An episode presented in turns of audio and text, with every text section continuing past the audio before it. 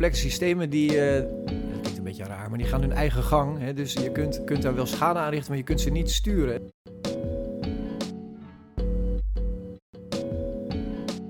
We kunnen tot zover ongeveer ja, de boel een beetje inschatten. Maar daar voorbij ligt echt een punt waarbij we gewoon geen flauw idee hebben. En, eh, en dan moeten we daar ook ja, serieus mee omgaan. Ja, heel veel mensen denken bij complex dat het gewoon heel ingewikkeld is. Terwijl complex is een specifieke categorie die gaat over, over interacties.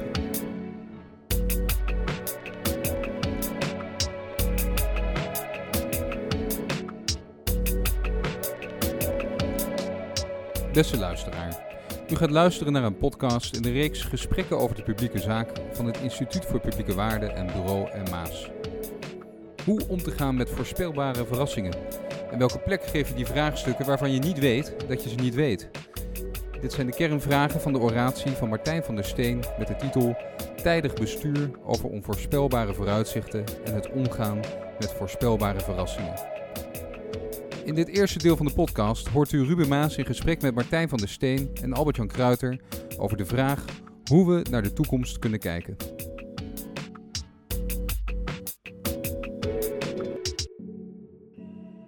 Martijn, je oratie heet tijdig bestuur, strategisch omgaan met voorspelbare verrassingen. Roept gelijk natuurlijk de vraag op, wat, wat is tijdig bestuur? Uh, ja, dat is een goede, goede vraag. Uh, het is, uh, sommige woorden die, die spreken voor zich. Hè, dus zeg je van nou, dat is even goed bestuur of, of, of, verkeerd bestuur. dan weet je, oké, dat is goed of verkeerd. Bij tijdig bestuur is een beetje een onbepaalde term. En, um, en volgens mij is het eigenlijk is de bedoeling van die term om uit te drukken dat wij heel vaak helemaal niet rekening houden met tijd als we naar bestuur kijken. En, um, dus wat ik belangrijk vond om uit te drukken in die oratie is dat het niet gaat over toekomstverkenning of over lange termijn besturen, of, maar dat het gaat over bestuur wat rekening houdt met, nou ja, met, met tijd. En, dat, um, en waarom, waarom eh, noem je dat niet gewoon toekomst? Omdat bij toekomst denken wij heel snel aan 30 jaar vooruit of 40 jaar vooruit. Dus, uh, en wat ik per se niet wilde was dat die oratie de suggestie wekte dat dit boekje gaat over of de oratie gaat over um, het openbaar bestuur over 40 jaar. Omdat er heel veel processen zijn in het openbaar bestuur, waar de lange termijn of de moeilijk voorzienbare termijn niet over 40 jaar ligt, maar over uh, drie weken of over zes maanden of over twee jaar. Dus tijdig is ook een flexibel begrip, ja, zeg maar. Ja, het idee van tijdig is dus net op tijd. Hè, dus of voorbij de, de, de, de actualiteit. En voor sommige onderwerpen is dat echt heel ver weg. Kan dat ook zijn 40 jaar vooruit. En tijdig bestuur gaat dan om het tijdig, dus op tijd, zeg maar, rekening houden met dingen die, uh, ja, die, die, die verder weggelegen zijn. Je, je beschrijft op een gegeven moment tijd is ook ruimte voor beweging. Ja. Ja, want daar heb ik enorm in zitten worstelen. Van wat is nou tijd of toekomst? En, en, uh, en, en, en, en, en daarom heb ik... Ja, je kunt daar oneindig veel definities en zo van, van verzinnen en zo. Maar ik, voor mij is echt het idee van er is beweging, dus dynamiek in het openbaar bestuur, in de samenleving. En tijd ja, is, dat, is de ruimte waarbinnen dat gebeurt. En, uh, en afhankelijk van de snelheid of de intensiteit van die dynamiek... Um, ja, ja, is tijd, is er veel of weinig tijd. En uh, dus veel, als je, een lang, als je een heel stabiel systeem hebt en je hebt een miljoen jaar, ja, dan, dan gebeurt er heel weinig. En, uh, want ja, dat systeem verandert heel langzaam, mm -hmm. is heel stabiel, dan kun je heel ver vooruit kijken. En dan, ja, dan is het wel ver weg in de tijd, gewoon in jaren gerekend. Maar in termen van dynamiek is het eigenlijk helemaal niet ver, is het helemaal niet ingewikkeld. En uh, terwijl er zijn ook voortdurend ja, snel veranderende systemen. Uh, waar je eigenlijk met heel weinig tijd al heel veel onvoorspelbaarheid uh, hebt. En um, nou, dat heb ik geprobeerd om, om een soort bij elkaar te brengen. Maar het gaat wel de hele tijd over de tijd die gaat komen. Ja. En niet het moment nu. Hè? Want dat nee, zijn natuurlijk precies, ook mensen die ja. zeggen... Ja, je moet juist kijken naar het moment grijpen. Dat is nu. Ja. Uh, in, in je hele oratie ben je aan het zoeken naar de tijd die op ons afkomt. Ja, ja, ik ben op zich helemaal niet tegen mensen die nu dingen doen. Hè. Dat, dat vind ik hartstikke verstandig ook om dingen nu te doen. Uh, de oratie gaat vooral over... Nou, kun je nou rekening houden met die dynamiek ja, die er nog niet is, maar die er wel aankomt. En, uh, en wat kun je dan nu doen om daar rekening mee te houden? En, en rekening houden met betekent natuurlijk dat je eerst probeert in beeld te brengen van wat is die dynamiek dan? En dat je vervolgens gaat nadenken welke acties dan helpen om, uh, ja, om op die dynamiek in te spelen. Wat lastig is, want niks is zo moeilijk voorspelbaar als de toekomst. Ja. Dus wat je ook zegt, de, de toekomst kan alle kanten op. Uh, maar als organisatie of als persoon moeten we wel een richting kiezen. Dus proberen we toch maar daar grip op te krijgen. Ja, nou eigenlijk is de. de uh, er zijn natuurlijk heel veel systemen waarbij de toekomst helemaal niet alle kanten op kan. Die, kan, uh, die gaat hier altijd dezelfde kant op. Hm. En dus de, dat is eigenlijk het, belang, het kernpunt van, uh, van dat, dat, dat woordje dynamiek wat erin zit. De, het eerste punt eigenlijk in de oratie is van je toekomst, dat lijkt te gaan over hoeveel jaar. Is dat 20, 30 jaar of 10 jaar? Of, uh, nou, dat is volgens mij, tijd is volgens mij niet een handige eenheid om over toekomst te praten, want het gaat niet om tijd, het gaat om wat er in die tijd gebeurt. Um, en vervolgens kun je daar denk ik op richten van wat gebeurt dan in die tijd en hoe voorspelbaar is dat? En dan kom je bij denken over dynamiek. Wat voor soort dynamiek uh, kennen we nou en, uh, uh, en kunnen we die dynamiek meer of minder voorspellen? En als je daar diep op inzoomt, dan zijn er bepaalde ja, systemen waarbij de dynamiek in dat systeem eigenlijk heel goed voorspelbaar is, omdat het een heel ja, voorspelbaar ja, begrensd uh, systeem is. En uh, een beetje een soort directe causaliteit. Je ja, mechanisch systeem. Ja, dus een klok vind ik altijd een goed voorbeeld. Dat is heel ingewikkeld. Ik zou het niet in elkaar kunnen zetten. Maar ja, iemand die er verstand van heeft, kan dat wel. En dat, die klok doet altijd hetzelfde. Die maakt gewoon altijd hetzelfde rondje. En, uh, en als hij ophoudt met draaien, dan kun je kijken naar wat er mis is. De batterij is leeg of er zit ergens een onderdeeltje niet goed. Maar dat is een heel voorspelbaar systeem. En zolang je daar de batterij in houdt, draait die klok gewoon door. Maar er zijn natuurlijk heel veel systemen, andere soortige systemen, andere type systemen, waarbij dat niet zo is. Omdat ja, bijvoorbeeld mensen, of ja, in het metafoor van de klok, onderdelen, uh, ja, die leren bijvoorbeeld. Dus die, hebben, die klok heeft drie keer hetzelfde rondje gedraaid. En dan denkt de wijze van ik ga de andere kant op. Ja, klokken doen dat niet. Maar heel veel sociale systemen doen dat wel. Mensen hebben het op een gegeven moment twee keer gedaan en gaan dan iets anders doen. En, en naarmate er meer van dat soort ja, leervermogen eigenlijk in systemen aanwezig is, zijn de systemen moeilijker voorspelbaar. En wordt het dus lastiger om vooruit te kijken. En is dat het verschil wat je noemt tussen uh, complex en gecompliceerd? Ja, dat vind ik een heel mooi onderscheid. Dus uh, um, um, je kunt het ook verbreden tot een vierdeling. In mijn oratie heb ik dat ook gedaan. Maar ik vind vooral het onderscheid tussen complex en, en complicated. Dus complex en gecompliceerd heel belangrijk. Omdat um, ja, heel veel mensen denken bij uh, complex dat het gewoon heel ingewikkeld is. En uh, terwijl complex is een, is een heel specifieke categorie. Die gaat over, over interacties. Dus uh, in de interacties leren de verschillende actoren in het systeem. En dus wij hebben een gesprek met elkaar en gaandeweg dit gesprek veranderen wij door het voeren van dit gesprek, waardoor dit gesprek ook verandert. En nou, dat is een typisch kenmerk van een complex systeem. En een gecompliceerd systeem, dat is zo'n, nou, bijvoorbeeld een klok wat dus uit veel onderdelen bestaat. Die onderdelen die werken ook allemaal op elkaar in, dus dat is moeilijk om te maken, zeker als je er geen verstand van hebt. Maar het systeem verandert niet door het draaien van de klok. En, uh, uh, en dat is een superbelangrijk onderscheid tussen ja, complex en gecompliceerd. En wat volgens mij belangrijk is, om steeds als je vooruit probeert te kijken, je eerst eens af te vragen, wat voor systeem heb ik nou eigenlijk voor mij? Is dit nou een gecompliceerd systeem of is dit een complex systeem? En nou ja, het antwoord op die vraag heeft enorme consequenties voor hoe je, hoe je vooruit kijkt en hoe je vooruit plant. Want uh, juist veel van die maatschappelijke vraagstukken, waar je ook als, als bijvoorbeeld Nederlands School voor Openbaar Bestuur mee bezig bent, uh, hebben die, die, ja, die hoge maat van interactie, leervermogen en daardoor dus ook uh, zijn ze extreem ja, gecompliceerd. Ja, ja, dat klopt. Ja, ik vind in de bestuurskunde heb je een mooie metafoor die wordt gebruikt. De, uh, de ghetto problem uh, of het uh, Moon Project. Hè, dus het is, ehm, hoe, bekijk, bekijk je een maatschappelijk probleem? Bekijk je dat als het project Reis naar de Maan, wat heel ingewikkeld is, maar wat NASA heel goed kan. Hè, dus, of een reis naar Mars. dat, dat is heel ingewikkeld te plannen. Maar we kunnen dat wel doen. En ook jaren vooruit. Hè. Dus je kunt nu al uitrekenen dat je de raket met een bepaalde graden moet hoek moet afschieten, zodat hij dan versnelt over tien jaar rondom. Dat kun je allemaal uh, van tevoren bekijken. Maar dat is het Moon Project. En het Ghetto Project, dat gaat over sociale systemen, waarbij dus ja, dingen voortdurend veranderen, mensen op elkaar reageren, kleine interventies grote gevolgen kunnen hebben. En, en ik ben het met jou eens dat heel veel van onze beleidsproblemen, de echte hardnekkige beleidsproblemen, zijn natuurlijk heel vaak ja, van die complexe problemen die voortdurend veranderen, die heel dynamisch zijn en daarmee ook beperkt voorspelbaar zijn. Wat beleidsmakers nogal eens doen, um, al dan niet bewust, maar is dat zij complexe problemen als gecompliceerde problemen voorstellen. Ehm, en bij het vooruitkijken naar de lange termijn of naar onvoorspelbaarheid, uh, projecteren zij vaak ja, gecompliceerd denken op complexe problemen. En dat is volgens mij een van de grote problemen. Eigenlijk vereenvoudigen ze ja. het vraagstuk omdat ze dan er grip op hebben. Ja, en het, en het ingewikkelde is dat die vereenvoudiging, dat klinkt altijd een beetje lui. Van uh, ja, vereenvoudig jij het weer. En, uh, alleen ze doen dat volgens mij juist vanuit grote betrokkenheid. En dus wat zij, uh, zij willen het graag goed doen, omdat het belangrijke problemen zijn. Um, dus gaan ze op zoek naar, uh, uh, naar harde kennis, naar dingen die we kunnen weten, meten, uh, naar causaliteit die bewezen is. En wat ze daarbij opnieuw bedoeld of onbedoeld of bewust of onbewust doen, is dat ze ja, heel erg reduceren. En dus ze tellen uiteindelijk alleen maar mee wat meetbaar is. En dat is maar een heel klein stukje van de complexe realiteit. En vervolgens ja, baseren zij hun vooruitzichten, voorspellingen uh, en ook hun handelen op dat hele gereduceerde stukje van, de, van het complexe probleem. Maar dus niet uit, uit luiheid of, nou ja, goed.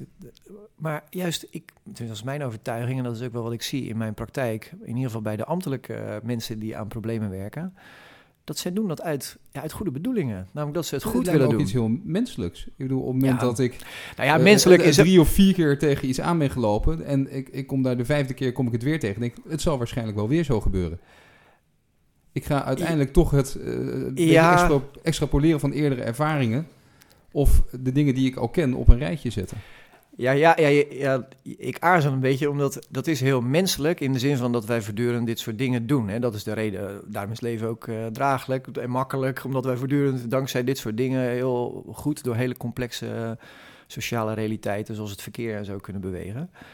Um, maar het antwoord is ook nee, want als je in jouw eigen leven uh, gewoon als mens, als privépersoon dingen doet, dan ben je helemaal niet voortdurend aan het extrapoleren op de manier zoals we het in beleid doen. Hè? Dus met harde cijferreeksen en, uh, en dat je ook een soort twintig jaar vooruit gaat zitten denken over ja, wat dan de, de toegevoegde waarde is van beslissingen die je nu neemt. Je laat juist als privépersoon heel veel ruimte voor complexe.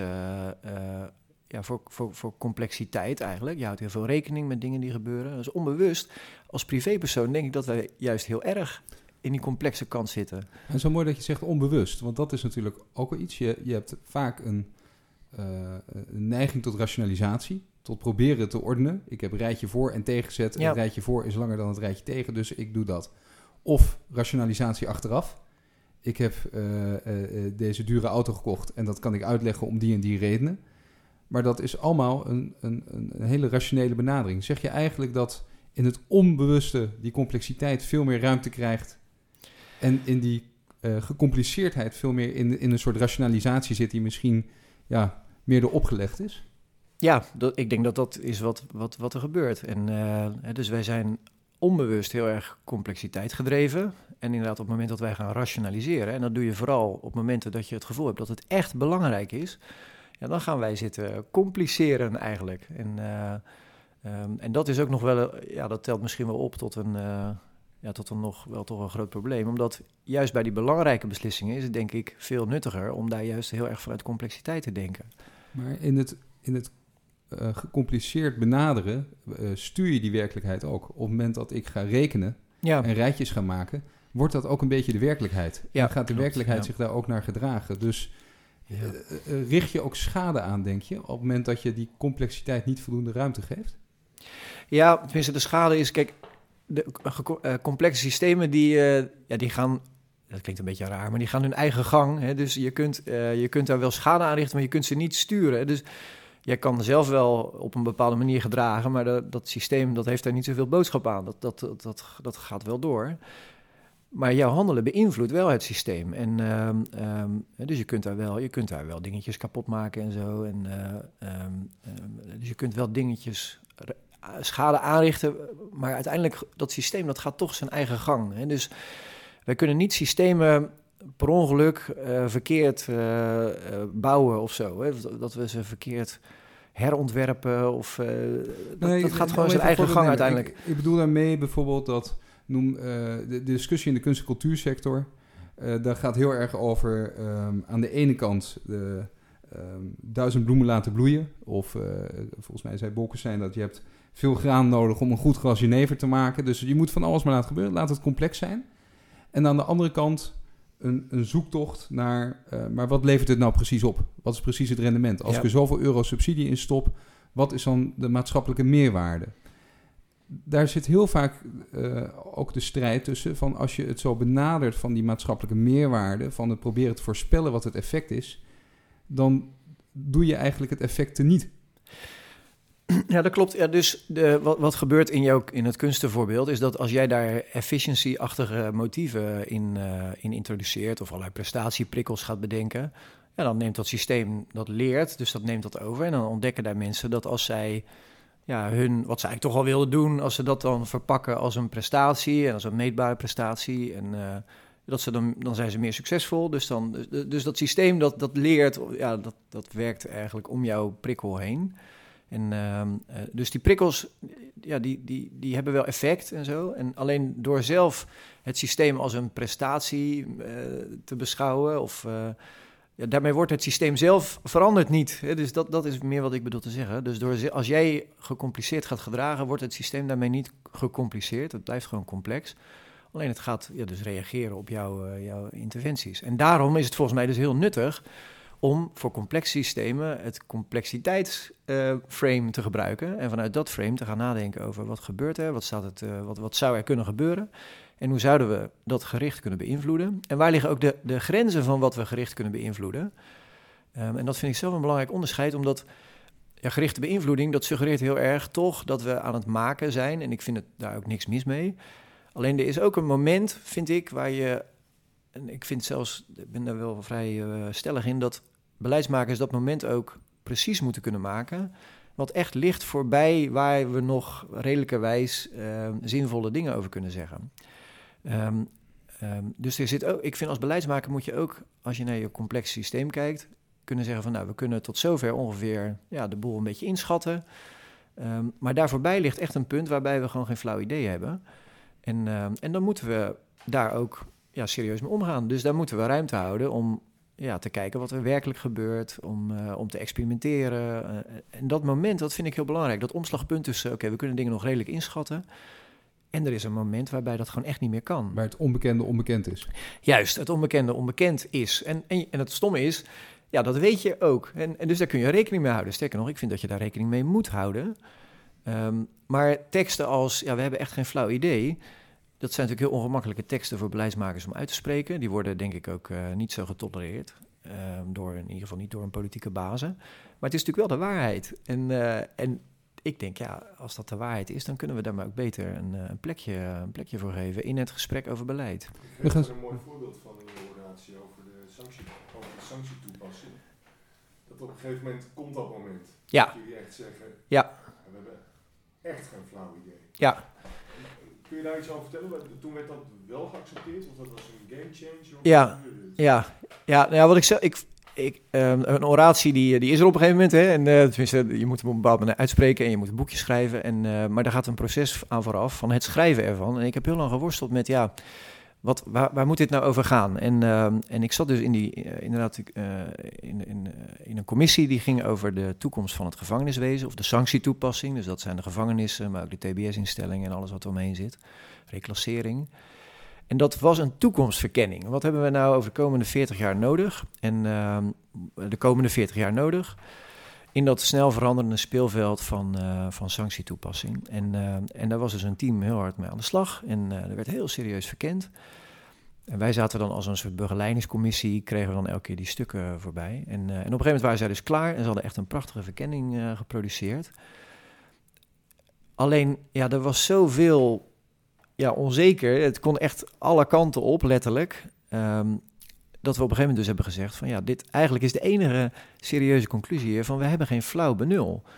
We hebben echt geen idee wat er gaat gebeuren. En het rare was in dat gesprek, ja, was dat ook een soort bevrijding bijna, omdat dat was natuurlijk wat iedereen voortdurend al wel aanvoelde van ja, dit, dit we, hebben, we weten het ook echt niet. En, um, um, en ik vond dat dat markeerde een soort van in plaats van dat je een soort pseudo-verkenning uh, en zekerheid aanbrengt, dat je dan maar eens begint bij het beginpunt, namelijk we hebben echt geen flauw benul. En, dat is denk ik wel een belangrijke toevoeging, dat je daar dan niet stopt van, nou ja, dan is het allemaal zinloos, maar dat je dat neemt als het startpunt voor je ontwerp. Als we het nou echt niet weten, uh, wat kunnen we dan doen? Ja. En het interessante is, dan ontstaat een proces waarbij je gaat kijken van, oké, we weten het niet, maar er zijn misschien waarschijnlijkheden, of er zijn patronen die we zien, of er zijn. Uh, en waar ligt dan eigenlijk die grens tussen dat we het echt helemaal niet weten en dingen die we al wel zien? En, en hoe kunnen we daarmee omgaan? En, uh, je onderscheidt ja. drie strategieën eigenlijk waarvan je zegt, zo kan je daar in ieder geval mee omgaan. Dus als je vanaf het punt, ik heb geen flauw idee, ja. dan, dan moet je niet achterover gaan zitten en laten gebeuren. Je, je kan ook blijkbaar dus drie strategieën hebben: een informatiestrategie, een houdingsstrategie en een organisatiestrategie. Ja, ja, ja, ik vind het zijn volgens mij niet drie. Je, je zegt het precies goed. Alleen het zijn volgens mij uh, elementen die alle drie onderdeel zijn van een goede strategie om ja. dit soort. Uh, het zijn de drie elementen van ja. de strategie van, je, van eigenlijk hoe je dit aan kan ja, gaan. Ja, ja. En uh, dus er zit een. De, het informatiedeel is. Um, Um, even kort, we kunnen daarna misschien nog op elk van die drie wat dieper ingaan. Maar de informatiedeel gaat over ja, het kennen. Hè? Dus wat weten we nou eigenlijk over de, over, de, over de toekomst of over de lange termijn, over de dynamiek in mijn systeem? Um, hè, wat weten we wel, wat weten we niet? Welke randen zijn er? Welke, uh, dus dat gaat heel erg over kennen. Nou, en volgens mij moet je dus heel gericht nadenken over hoe kennen wij dit probleem. Je, je maakt daar een onderscheid tussen uh, forecast en foresight. Ja, maar, maar, maar kunnen we daar zo meteen... ja, dan maak ik- want voor mij is het goed om even die alle drie Ja? te hebben. Dus eerst, het, e- het eerste deel gaat over kennen. Hè, dus de toekomst als een soort informatieprobleem. Ehm, het tweede deel gaat over organiseren. Ehm, hoe kun je jezelf als organisatie nou zo in positie brengen dat je goed in staat bent om met onvoorspelbaarheid om te gaan? En, ehm, en nou, als je kijkt in de literatuur en zo, zijn er zijn verschillende ja, organisatievormen of organisatieprincipes die je meer of minder in staat brengen om goed met onzekerheid en onvoorspelbaarheid om te gaan. Nou, ik vind daar moet je strategie op ontwikkelen. Eh, juist omdat je weet, hè, we hebben geen flauw benul, je weet dat het anders loopt, daar kun je van tevoren in je organisatieontwerp rekening mee houden. En de derde is misschien wel de belangrijkste. Ik heb heel lang gezocht naar een goed woord daarvoor. Het is uiteindelijk iets van ja, houding geworden. Maar dat gaat volgens mij over alertheid. Ehm, ben je nou echt in, een beetje in je genen of in je, in je haarvaten, of hoe je dat wil noemen, ben je er nou van overtuigd dat het, dat het onvoorspelbaar is? En eh, eh, ben je alert daarop? Ben je, ja, ben je op zoek naar de verstoringen? En dat zijn houdingselementen.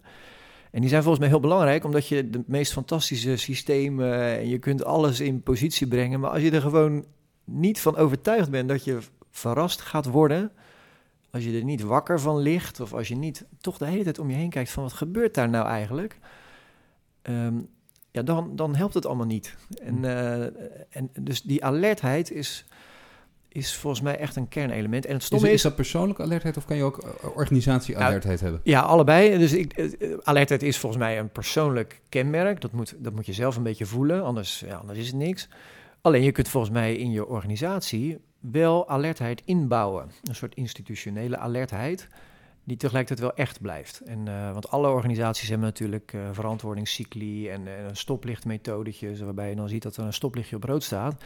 Maar als jij, dat, en dat krijg je dan op een Excel-formulier voor je neus, als je dan, dan moet, dan moet je wel het gevoel hebben van, hé, hey, hier is wat aan de hand. En dat is volgens mij die alertheid. Niet dat er een stoplichtmethode is die een rood eh, vakje op een formulier produceert, maar jij moet voelen dat het... ja, dat, het, dat er iets aan de hand is. Dat er zomaar iets gaande zou kunnen zijn. In je oratie geef je het voorbeeld van, eh, als ik me goed herinner, Singapore. Ja, en ja. je schrijft dat ze tot vervelens toe Ja, hun, hun eigen uitgangspunt... ja, eh, ja, dat vind ik prachtig ook. Ik, Paranoia. ja, ze ja, het. zij Ja. noemen dat eh, we are paranoid government. En, en als een soort, ja, als een geuzennaam, hè, van en een heel diep gevoeld idee van wij zijn een land wat eigenlijk, ja, wat een soort toeval, toevallig is ontstaan. En wij zouden er zomaar niet meer kunnen zijn. En dat tot vervelens toe, dat vind ik zelf ook echt. Want als je er bent en zo, ja, het is zo'n rijk land, het is allemaal geweldig. En eh, het is eigenlijk onzinnig dat ze zich zo'n zorgen maken. En tegelijkertijd is dat wel, vind ik, een heel krachtig eh, iets. Omdat het ze enorm motiveert om eh, nou ja, strategisch te denken, vooruit te kijken. En zich letterlijk bij alles steeds af te vragen van... Ja, is dit niet het begin van het einde voor ons? En dat is echt wel tot vervelend. Dat is een heel vermoeiende vraag. Als iemand de hele tijd zegt, ja, is dit niet... Het is natuurlijk veel gemakkelijker om op een gegeven moment ja, die vraag niet meer te stellen... en te denken van, nou, het zal wel lukken. Maar zij zijn daar enorm mee bezig.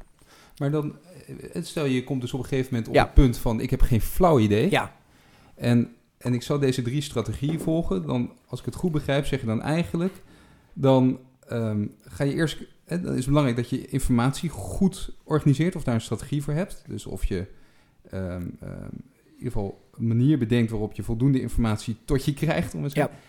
Vervolgens moet je daar alertheid hebben, om dan die informatie die dan komt, in wat voor vorm dan ook, zullen we zo naar kijken. Dat je in ieder geval ook denkt van, hé, hey, dit valt op, dit Ja. is anders. Ja. En de derde is dan, en als je dan die informatie hebt en die alertheid hebt, een organisatievorm hebt die daar dan mee om weet te gaan. En Juist. erop in weet te spelen. En dat, dat totaalpakket, zeg maar, dat, dat, ja, dat, dat noem ik dan een soort tijdig bestuur. Of dan ben je in ieder geval ja, ben je, ben je bezig met ehm, ja, die uitdagingen die, eh, die met de tijd eh, spelen. En door die drie dingen in samenhang te doen.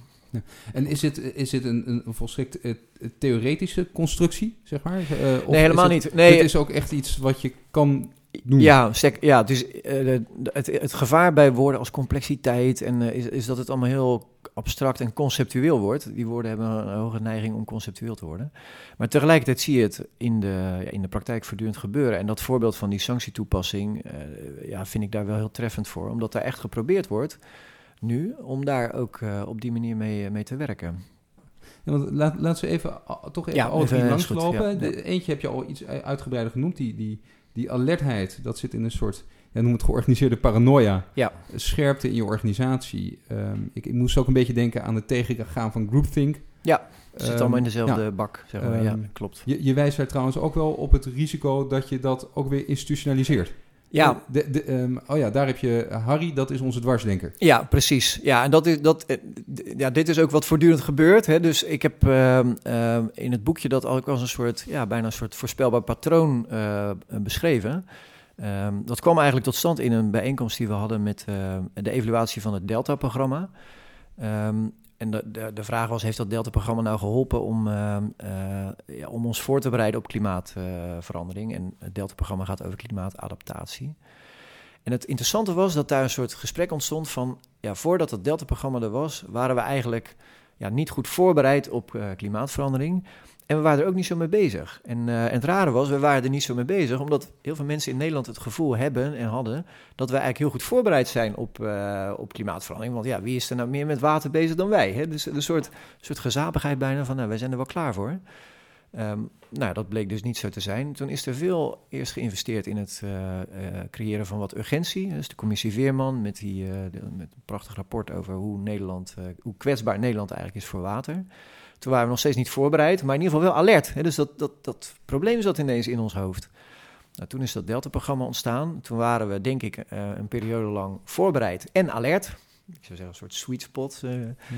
Ehm, alleen wat je, ehm, en, en dat was ook waar de evaluatie over ging. Nou, eigenlijk heel goed, voorbereid en alert. En tegelijkertijd zei iedereen in dat groepje van ja, ehm, we zijn nu wel heel goed voorbereid, maar de alertheid begint al wel te verdwijnen. Want we hebben dat klimaatprogramma en het gaat eigenlijk hartstikke goed. Waar vindt nou tegenwoordig overstroming nog plaats? Hè? Nergens. Ehm, dus die alertheid zie je eigenlijk al afbrokkelen. En, ehm, en dat is, zou zomaar een voorbode kunnen zijn voor beperkte voorbereidheid, als je dat zo kan zeggen. En dat is een soort loopje wat tijd rondgaat. En, en dus voor, de mate van voorbereiding en de mate van alertheid, die lijken erg met elkaar samen te hangen. En dat is ook wat in Singapore dus heel goed gedaan wordt, vind ik. Die zijn perfect voorbereid. En elke keer als ze even dreigen wat minder alert te worden, dan schudden ze zichzelf en elkaar wakker. Wat dan even vervelend is als je net had voorbereid op een leuke, gezellige middag. Maar dat is wel als je als, ja, als staat of als organisatie met die onverwachte toekomst bezig Dan af en toe even een brandoefening. Ja, ja, ja, Ja. precies. Ja, zonder dat het, ja, weer die Ja, brandoefening. nee, niet de eerste van de maand. Ja, ja, Van- ja, ja. En eh, dus bij mijn vorige bedrijf was er ook wel eens een brandoefening. Bleef iedereen lekker doorwerken. Ja. En eh, ja, dan is de alertheid in ieder geval een beetje verdwenen, denk Ja. ik. eh, ja. Dan die informatie, die informatiestrategie. Ja. Ehm, je maakt daar het onderscheid tussen ehm, forecast en foresight. Ja, dat zijn, ja, de, ehm, ik heb eigenlijk dat we ook wel een beetje verbasterd, naar, omdat het natuurlijk Engelse termen zijn, maar ook omdat ik een, een ander onderscheid, ehm, of misschien moeten we eerst even toelichten wat dit onderscheid is. Maar een forecast is eigenlijk een, ehm, dat is vooral extrapolatie. Hè? Dus je kijkt naar, ehm, ehm, je, je, maakt op basis van, eh, van analyse maak je een soort trendlijn. En die extrapoleer je door naar, ja, naar de toekomst. En, eh, en vaak maak je daar een paar varianten bij. Maar het zijn wel allemaal eh, ja, varianten op dezelfde trendlijn. En, eh, en als je dat doet op de belangrijkste trends, of de trends die je het belangrijkst vindt, dan kun je een, een, mooi beeld van de toekomst te creëren. Zeg maar vanuit het heden door naar de toekomst. Je trekt door naar de toekomst. Foresight begint eigenlijk aan de andere kant en uh, probeert dichterbij te komen bij wat nou, ja, wat nou mogelijke toekomst is. Mogelijke toekomsten zijn. Zij praten het liefst in, in, in meervoud. Um, en dat kent dus ook hele andere vormen misschien. Ja, daar gebruik je ander soort informatie bij. Je gaat dus met elkaar om de tafel zitten. De scenario-methode wordt daar heel veel gebruikt. Hè. Dus dat je kernonzekerheden tegen elkaar afzet en dan kom je tot een aantal scenario's. Maar dat gaat heel erg over beelden over mogelijkheden, um, waarbij je bewust probeert om ja, echt los te komen van de actualiteit. Hè? Dus de toekomst niet als een nou, zeg maar, gecontinueerde versie van het heden te denken, maar echt los te komen daarvan. En dan bijna vanuit die toekomst terug te denken naar actualiteit. En, um, en, en je, je, je suggereerde al eventjes de, de andere um, soort informatie. Ik, ik heb zelf in het boekje maak het onderscheid tussen een tellende en een vertellende benadering van toekomstverkenning. Um, dus je hebt heel veel toekomstverkenningen die heel erg van getallen uitgaan. Dus die proberen de toekomst als het ware uit te rekenen. Um, en je hebt toekomst die veel meer gaat, of verkenningen die veel meer gaan over vertellen. Dus met elkaar narratieven eigenlijk maken over hoe nou, de toekomst eruit zou kunnen zien, maar ook hoe we er zijn gekomen.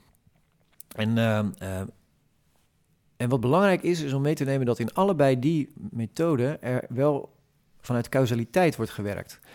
Alleen het tellen uh, beperkt je tot een heel specifiek soort causaliteit, namelijk causaliteit die precies is, waarmee je kunt rekenen, die je kunt modelleren. En, dat, en daar is dus, um, ja, daar is de causaliteit is gewoon helemaal. Hè. Dus het is iets maar dat leidt... zit ook misschien een beetje die vereenvoudiging van die complexiteit in. Nou ja, om dat dus te kunnen doen, uh, moet je vereenvoudigen. Want je moet uiteindelijk kunnen tellen en je moet uiteindelijk een formule kunnen maken. Je moet kunnen modelleren. Hè. Dus daar, en, en om dat te kunnen doen, moet je vereenvoudigen. Um, uh, en overigens, vereenvoudigen is hier weer een raar woord, want ik was een keer bij zo'n conferentie van allemaal mensen die dus modelleren. Um, je hebt in Delft zit een prachtige groep uh, onderzoekers die dat doen. Ja, die modellen zijn zo uitgebreid ja. dat dat is dat onvoorstelbaar. Nee. Ja, sterker nog, die mensen geloven inmiddels dat ze zelfs van hypercomplexe systemen alle varianten kunnen uitrekenen. He, dus de, het is ook wel interessant om te zien of dat langzaam misschien niet toch naar elkaar toe beweegt. Maar de, het kernpunt is dat in die tellende benadering moet je dus dingen precies maken. Er moet een getal, een waarde aan toe te kennen zijn. Ja, en je moet een ja, causaliteit benoemen waarmee je kunt modelleren. Dus dat is allemaal absoluut. In de vertellende benadering is ook heel veel causaliteit, maar je hoeft het minder letterlijk te nemen. Je kunt hè, iets leiden tot dat. Ja, of dat nou 100% is, of 90%, of 80%, dat doet er niet zo heel veel toe. En je kunt, ja, al vertellend kun je tot causaliteit komen. En kun je met elkaar nadenken over hoe gaat dit systeem zich nou gedragen? Of wat zijn nou denkbare opties voor het sociaal domein of voor de sanctietoepassing? En wat betekent dat dan? Daar kunnen wij met z'n drieën, of met z'n vieren, of met z'n tienen een goed gesprek over hebben. Waarbij we met elkaar tot een beeld komen van, nou ja, dat, dat is een toch hele denkbare toekomst. In, in je oratie geef je geen, geen waardeoordeel of voorkeur aan. Maar toch dacht ik dat erin te lezen. Dat je zegt, Ja. er mag best wel meer aandacht zijn voor dat vertellende. Ja, ik probeer daar zelf ook wel wat reflexief op te... Kijk, ik, ik kan zelf niet zo goed rekenen, dus ik eh, ben al... Dus je eh, kan niet anders dan het vertellende. Nou, dus dat, zou, dat is het, het, eh, dat is het, het, ja, het eerlijke verhaal, of het korte verhaal. Dus ik heb wat moeite met die tellende benadering. Ehm, principieel is mijn gevoel dat je complexe systemen nooit helemaal kunt modelleren. Volgens mij kan dat gewoon Dit niet. gebruik ik net ook bij die mensen in Delft. Ze geloven dat ze dat kunnen. Ja, alleen ik was wel, en ik geloof dat niet. Ehm, alleen ik weet dat ook niet, omdat eh, het, zij zeggen dat rekencapaciteit zo enorm toe is genomen dat, dat zij inmiddels in staat zijn om hele complexe interacties toch allemaal uit te rekenen. Maar goed, ik kan die claim niet, eh, en ik vind het ook mooi dat het gebeurt en zo. Ehm, eh, maar ik geloof dat zelf dus niet zo. En ik geloof dus dat er veel meer ruimte moet zijn voor die vertellende benadering. Waarbij we ja, met elkaar eens om de tafel gaan zitten. En eens kijken van hoe ziet dit systeem er nou uit? En wat is hier nou de denkbare ontwikkeling? En, eh, en wat zien we misschien met elkaar over het hoofd? Of, eh, en dan wordt heel belangrijk dat je in die benadering ook wel, dat je niet ja, elke keer met diezelfde mensen om de tafel gaat zitten en elke keer hetzelfde tegen elkaar zegt en dan elke keer tot dezelfde conclusies komt. Maar dat je daar ook wat vreemde geluiden binnenhaalt. En, uh, want uiteindelijk moet dat vertellende deel, dat, dat gesprek, moet een rijk gesprek zijn. Waarbij veel verschillende inzichten aan tafel zitten, waarbij ook ruimte is om, uh, nou je noemde net groupthink, om, om voorbij de groupthink te komen, hè, waarbij je voortdurend reproduceert wat je toch al dacht en daar ook nog eens allemaal heel gelukkig van wordt, want dat, dat dachten we allemaal. En dus dan gaat het heel erg over het binnenbrengen van voldoende rijke inzichten. En nou, een van de dingen die ik daar zelf leuk, leuk aan vind, is dat ik heb dat in mijn oratie ook veel gebruikt, is het verhaal van Donald Rumsfeld hè, over de unknown unknowns. En die, uh, die had die bekende speech over de, over de Irak-oorlog, over wel of geen weapons of mass destruction. En daar heeft hij een heel ingewikkeld taalspel, wat eigenlijk simpel gaat over het idee dat je hebt de known knowns, dingen waarvan we weten dat we ze weten. Nou, die gebruiken wij heel veel. Je hebt de known unknowns, dingen waarvan we weten dat we ze niet weten. Die, uh, die gebruiken wij eigenlijk ook heel veel in verkenningen. Maar dan zijn er nog twee, als je er een kwadrant van maakt, twee vakken. Namelijk de unknown unknowns, dingen waarvan we niet weten dat we ze niet weten. En de unknown knowns, dingen waarvan we ja, niet weten dat iemand ze wel weet. En vooral die unknown kant, ja, die is volgens mij heel belangrijk om in het gesprek te brengen. En tellen kan je, je kunt niet unknown unknowns tellen, hè, want ja, Want dan zijn ze dat gaat niet. Ja, Ja. precies. Maar in een gesprek kan je dat wel inbrengen. Niet letterlijk. Hè, dus eh, de precieze mensen die zeggen, ja, zodra je een unknown unknown benoemt, is het niet meer unknown, hè, want iemand heeft het benoemd. En tegelijkertijd is die categorie wel heel, eh, ja, heel erg aanwezig. En die kun je letterlijk in het gesprek brengen. En ik vind dat je dat dus meer moet doen. Tot slot is je derde strategie, ehm, althans derde onderdeel van de strategie moet ik het zeggen, is Ja. je organisatiestrategie. Ja. Ehm, en dat gaat eigenlijk op het moment dat zich dan wat voordoet, hoe reageer je dan? Dus Ja. je, je, je, je hebt geen flauw idee. Ja, Eh, je krijgt eh, op een gegeven moment, omdat je alert bent, eh, constateer je misschien, nou, er zijn inderdaad unknown unknowns. En wat betekent dat dan voor je organisatie? ja, ik vind wel, dus de, eh, zoals je het formuleert, dus, maar dan lijkt het een beetje alsof dat bijvoorbeeld crisismanagement is. Hè? Van, oh, er is een ramp en hoe gaan we daarmee om? Volgens mij is het iets meer planmatig. En eh, om dat voorbeeld van die sanctietoepassing er weer even bij te pakken. Kijk, een van de dingen die heel lastig is in de sanctietoepassing is... Wat voor populatie hebben wij nou de komende 10, 20 jaar? Hoeveel mensen zijn het ook? Maar wat voor mensen zijn dat? Zijn dat en ze maken zo'n heel mooi onderscheid tussen de, de mad, de bad en de sad. Eh, Een beetje de, de gekke en de, de gevaarlijke gasten en ook gewoon een beetje de zielige gasten. En dat maakt natuurlijk nog wel uit of jij vooral mad people zeg maar, in, je, in je systeem hebt zitten... of vooral bad people. En... ehm, ehm, en dus hoe ontwikkelt die populatie zich? Hoe ontwikkelen het, denken over sancties eh, zich? Ehm, en eh, dus dat is heel erg proactieve strategie eigenlijk. En, ehm, en wat ze eigenlijk zeggen is vanuit dat idee, we hebben geen flauw benul hoe het er precies uit gaat zien, is dat, ze, dat je eigenlijk in kleine stappen moet gaan plannen. Dus moet gaan proberen of je ehm, ehm, eh, capaciteit kunt bouwen om eigenlijk aldoende eh, te leren eh, wat er nodig is. Ehm, eh, bijvoorbeeld door niet te zeggen, we hebben drie soorten regimes en daar gaat iedereen in. En dan hopen we maar dat dat de drie goede zijn, want die staan voor de komende twintig jaar vast. Maar door te zeggen, nee, we gaan experimenteren met allerlei soorten regimes. En in dat experimenteren, overigens tijdens dat experimenteren worden gewoon sancties toegepast. Hè, dus die mensen zitten gewoon Mhm. wel vast. Ehm, maar tijdens dat experimenteren leren wij wat nou goed werkt, wat de werkelijke populatie is. Ehm, en doen wij ook inzicht op in waar het ongeveer heen beweegt. Hè. Dus door te werken, door aan de gang te gaan, eh, word je beter in het voorzien van nou ja, patronen, waardoor je misschien toch weer wat verder kunt kijken. Eh, ontdek je eigenlijk wat goede aanpakken zijn en wat niet werkt. Ehm, en van daaruit kun je dus toch zorgen dat je steeds even ehm, ja, zo ver als kan vooruit kunt plannen. En- Is dat nou iets wat, wat iemand als Lindblom de Science of Muddling Ja, noemen? Ja, nee, het grappige vind ik dus, dat zijn allemaal hele oude inzichten. Alleen ehm, eh, het ingewikkelde is dat wij, en, en ik kom daar steeds dus bij het, het onbedoelde eh, effect eigenlijk. Ja. Omdat wij problemen groot en belangrijk vinden, vinden we dat muddling through, het is ook een beetje een ongelukkige term Mhm. misschien, doormodderen, vinden wij een, eigenlijk een beetje een inferieure strategie. Dat doe je alleen maar als je het of niet serieus neemt, of wanneer je ja, eh, het gewoon eh, echt niet meer weet. Klinkt een beetje wanhopig. Ja, wanhopig. Van, ja, dus je, je kon geen goed plan bedenken, dus, dus ga je maar doormodderen. En, Ja. en, en iedereen voelt dat wel aan, dus maken wij goede plannen. En het probleem is dat die goede plannen, die zijn niet goed in de zin van dat ze niet serieus nemen. hoe onzeker het fenomeen is. En, en dus als je gewoon die lintblomachtige dingen, dat doormodderen, ehm, experimenteren, leren, als je dat eh, serieus neemt en dus de essentie van je strategie maakt, niet ergens in de randjes, maar dat de, tot de kern maakt, dan krijg je een heel andere organisatieinrichting. Maar er Maar is dan wel, oh, sorry Ruben, maar er- is wel een verschil met eh Wildavsky en Lindblom Blom en de dingen die je aanhaalt in je oratie. Maar mij kroop een beetje het gevoel, er is wel iets bijgekomen sindsdien, namelijk technologie. En, en je besteedt veel aandacht aan disruptie. Ja. Ehm, en de vraag die bij mij opkwam was, ik ben in ieder geval opgeleid of opgegroeid met de gedachte dat die technologie de voorspelbaarheid wel eens groter kon maken. De rekenaars die jij net eh, aanhaalde, maar is het wellicht ook niet zo dat die technologie de onvoorspelbaarheid groter maakt? Ja, ja groter, sneller en, eh, ehm, ehm, en, en daarmee maakt hij volgens mij de noodzaak tot die experimenterende benadering veel groter. En, eh, dus ik vind zelfs zo interessant eh, het idee van zelfrijdend vervoer. Hè? Dus ja, iedereen voelde aan dat, dat, dat dat aan het gebeuren is. Sterker nog, ik heb zelf zo'n Tesla en, en dan rij je 70% van de tijd rijdt dat ding gewoon zelf.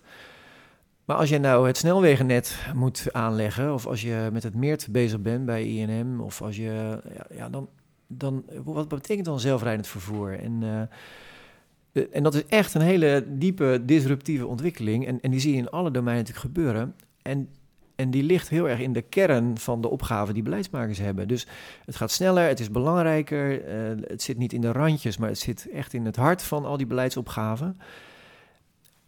En dat maakt dus dat daarom ja, die, die, die experimenterende strategie volgens mij veel meer de, ja, ik zou zeggen, de soort mainstream strategie zou moeten zijn. Ja, En ehm, alleen wat wij, dat betekent dus wel dat je in essentie met elkaar, ja, dat je moet accepteren dat je het echt niet meer weet. Dus dan kom ik weer bij die, dat idee van dat, dat we hebben geen flauw benulmoment.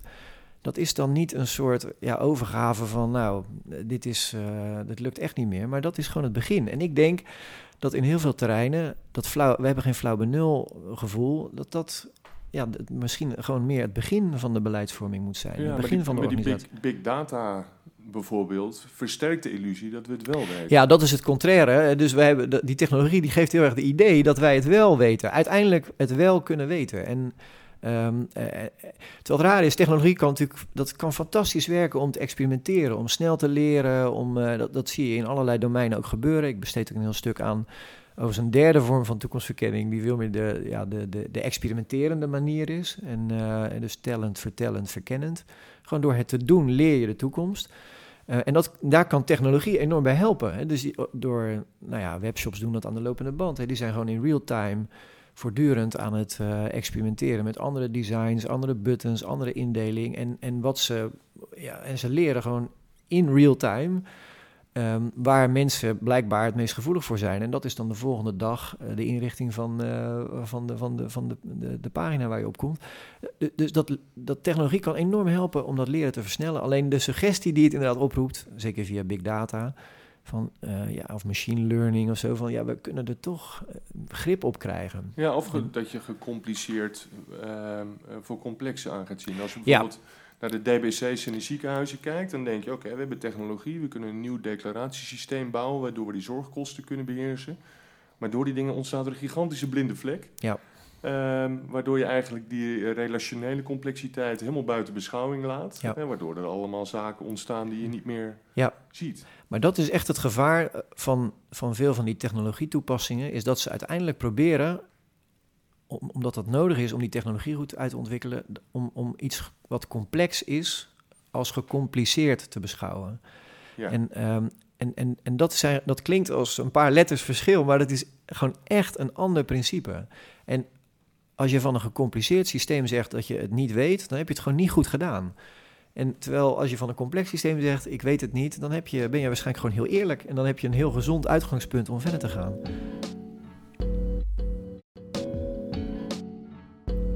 U luisterde naar deel 1 van de podcast over de oratie van Martijn van der Steen, waarin we onderzochten hoe je naar de toekomst kan kijken. In deel 2 van deze podcast bespreken we de manieren waarop je als organisatie om kan gaan met voorspelbare verrassingen en hoe je als organisatie alert blijft.